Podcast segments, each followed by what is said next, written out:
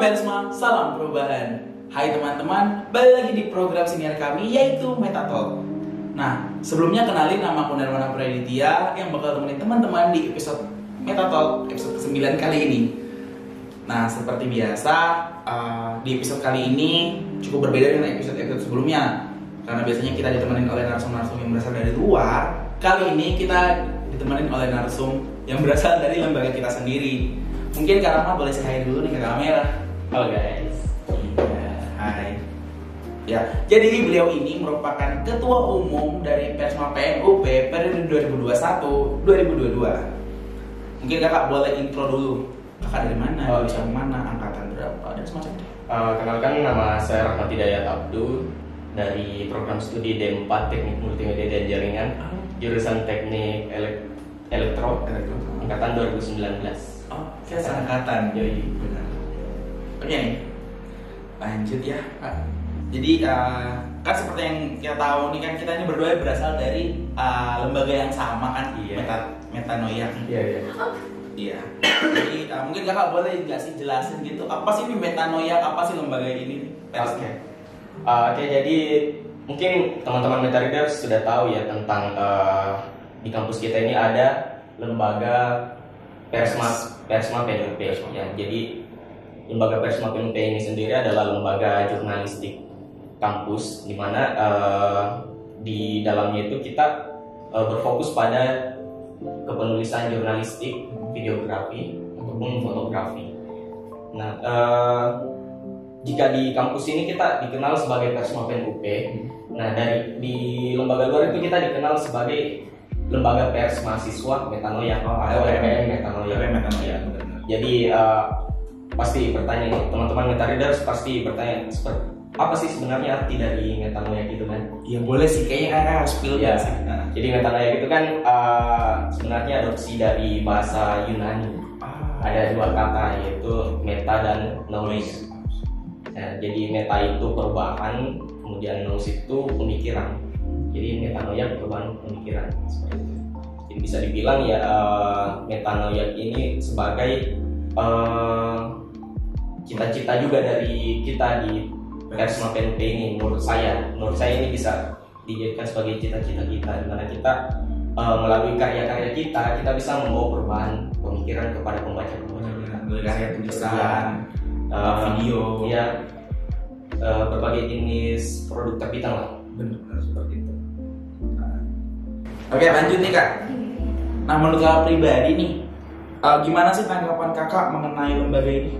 Oke eh, menurut saya eh, Persma PNUP khususnya di era digitalisasi ini di mana informasi Tersebar. tersebar secara meluas tanpa ada eh, filter atau eh, istilahnya apakah berita ini hoax atau seperti apa ya Iya. Jadi menurut saya lembaga ini berperan sebagai eh, mediator antara kampus kita khususnya dan eh, dunia luar secara umumnya, di mana eh, kita sena- senantiasa ya berusaha bagaimana informasi yang kita sebarkan ini eh, terkonfirmasi dengan jelas, Eh, bukan hanya Isinya. ya mengenai isinya ber- berlandaskan fakta yang Terjadi di lapangan di kira-kira eh, ini benar atau tidak jadi bukan hoax lagi seperti yang eh, tersebar di media-media sosial misalnya Berarti ceritanya kayak uh, metanoia ini berperan uh, sebagai?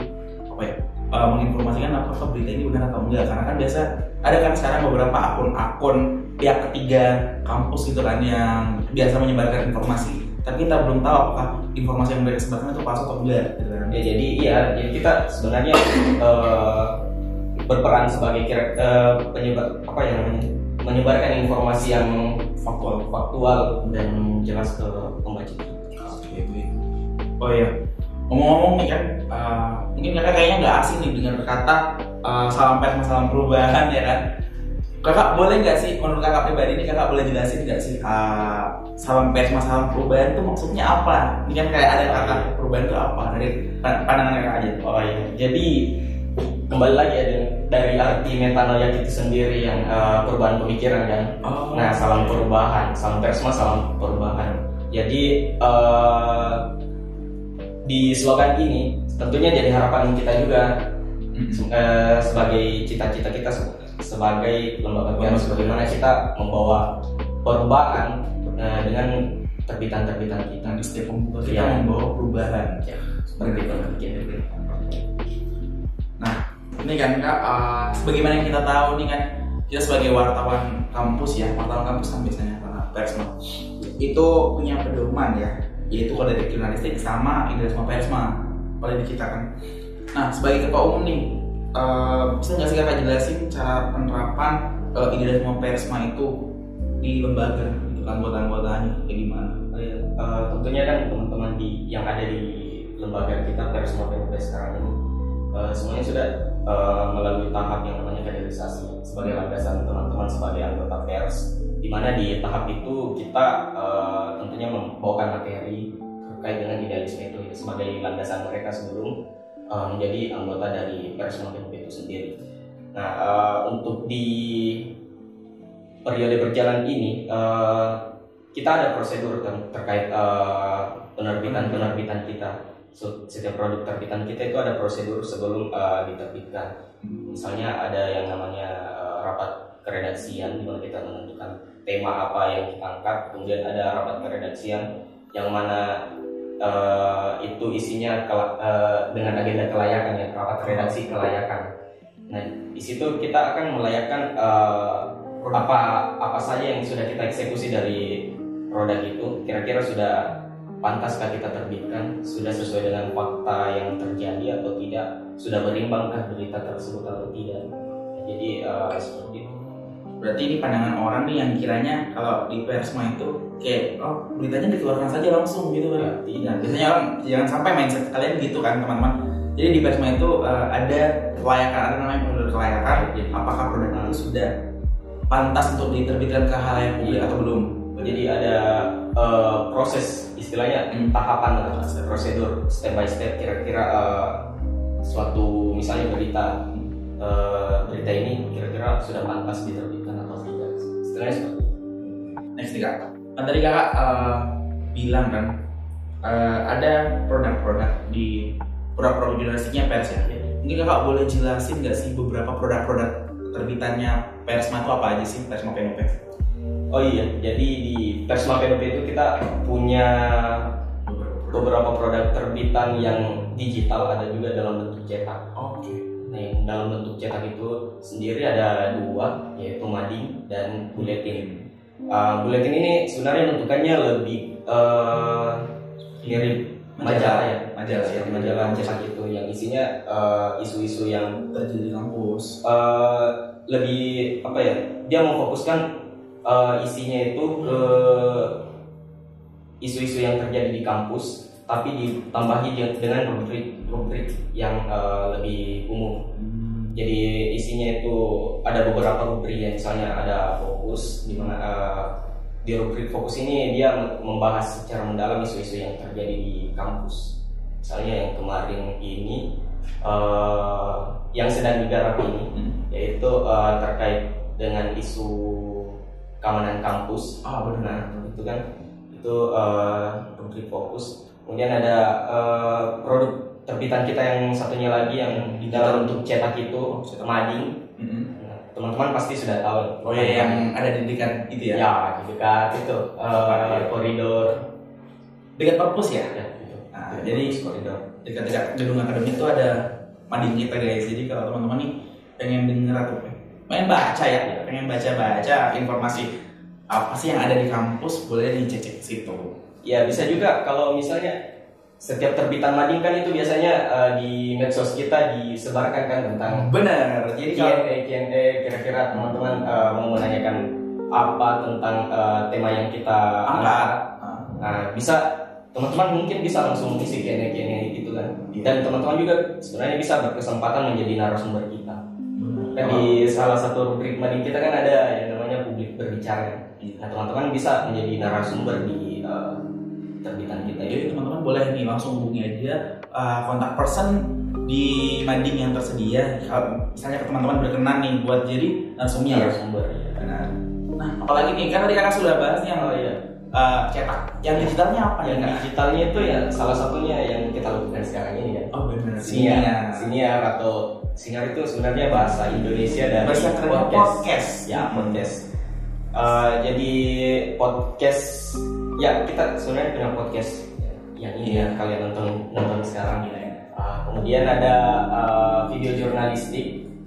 Uh, video jurnalistik ini bisa dikatakan berita dalam bentuk video. Jadi kita menyampaikan isu eh, isu-isu yang terjadi baik itu eh, secara umum di luar kampus ataupun yang di dalam kampus, tapi kita kemas dalam bentuk Video, visual, audio audio, Audio visual. Kemudian ada eh, portal berita. Ah, Nah, iya, iya, iya. Jadi portal berita ini sebenarnya website ya websitenya kita metanoia.id isinya itu adalah terbitan terbitan berita kita. Eh, mungkin eh, lebih gambarannya mungkin seperti kayak Kompas TV yang gitu. Oh, iya, yang di portal Website, saya, ya, website. Timur dan kawan-kawan kayak gitu kan. website berita. Jadi portal berita kita itu namanya metanoia.id. Teman-teman bisa mungkin kunjungi Akses. ya untuk membaca terbitan kita. Oke, sebenarnya cukup banyak nih kan kak yang mau ditanyain. Menarik nih, menarik ya. Lanjut nih kak ke pertanyaan selanjutnya. Sebagai sebuah lembaga nih kak, apa aja sih eh, bidang-bidang atau departemen-departemen yang ada di uh, Pensma Penupin sendiri nih kak? Oh iya, eh, mungkin mirip-mirip dengan lembaga kampus lain ya, bukan Oh, iya, dari iya. kampus kita. Jadi Kan ada pembeda dong. Iya ada.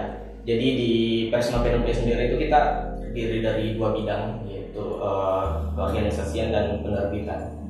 Mungkin di keorganisasian itu lebih ke berfokus ke bagaimana organisasi ini bisa berjalan ke depan. Di bidang ini itu ada empat departemen, kemudian di penerbitan itu ada tiga departemen.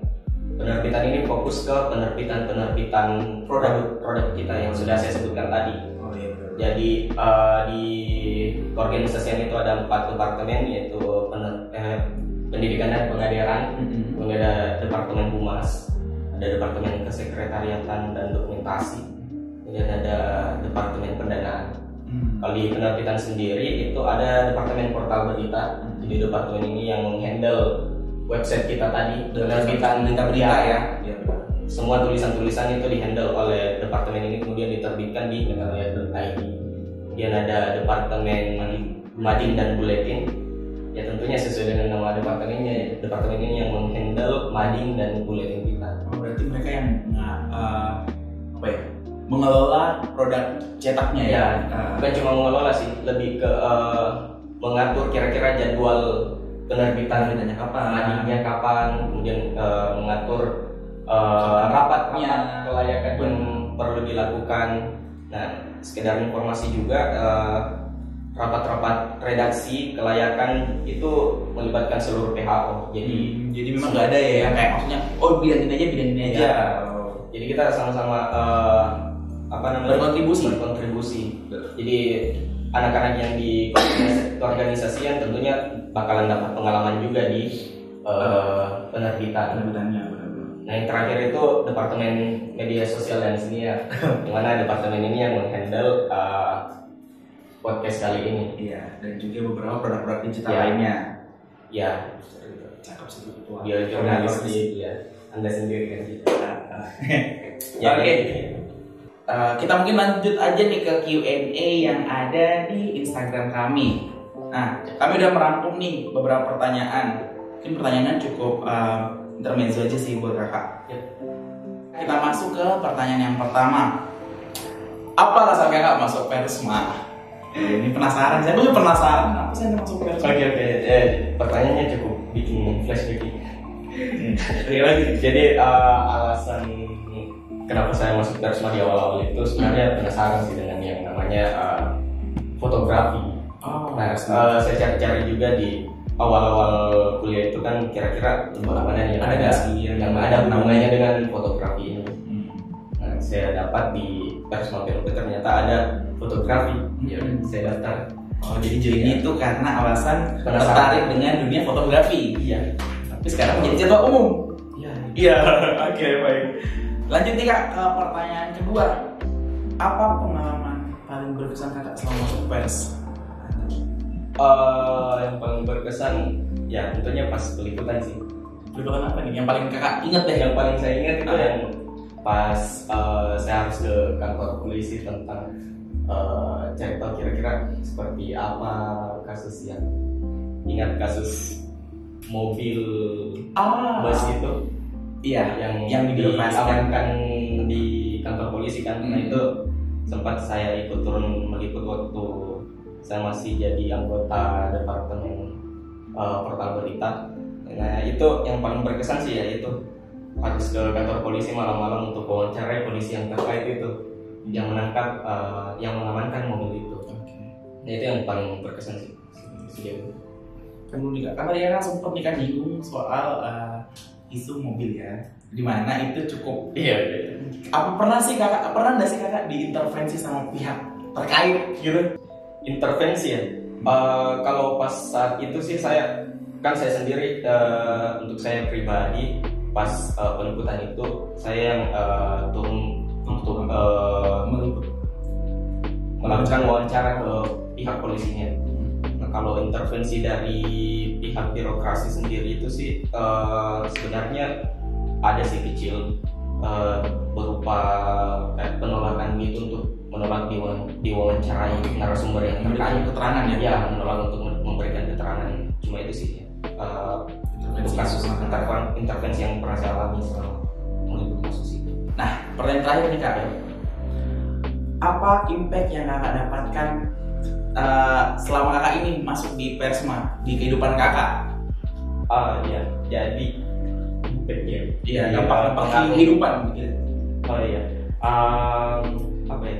Yang pertama itu mungkin lebih terbuka dengan isu-isu yang eh, lebih meluas ya. Misalnya bukan cuma yang kampus, karena kan eh, di selama periode kepengurusan kita yang terakhir ini kan itu kita sering bergaul keluar juga kan. Oh iya benar. Kita ke lembaga pers yang lain, kita bahas-bahas ter- terkait isu-isu Isu yang nasional. Nah ya eh, mungkin impact yang untuk saya pribadi mungkin lebih bisa open lah terhadap isu-isu yang nasional itu misalnya kayak eh, isu iklim, sampah, isu-isu Undang-undang. batu bara gitu kan, geo geografi apa sih? Apa? Nasional geografi. Bukan, bukan geografi. Nasional Geografi. Bukan. Eh, isu-isu lingkungan, Oh, isu-isu isu lingkungan seperti perebutan tanah juga. Mana Nah, ya, kan di Makassar ya? Iya, misalnya kayak bara-bara itu kan. Ah benar benar. Nah, mungkin eh, itu sih yang impact secara pribadi. Terus apakah kakak mendapatkan ilmu kakak eh, bidang fotografi ini setelah masuk di Persma? Ya, saya dapat.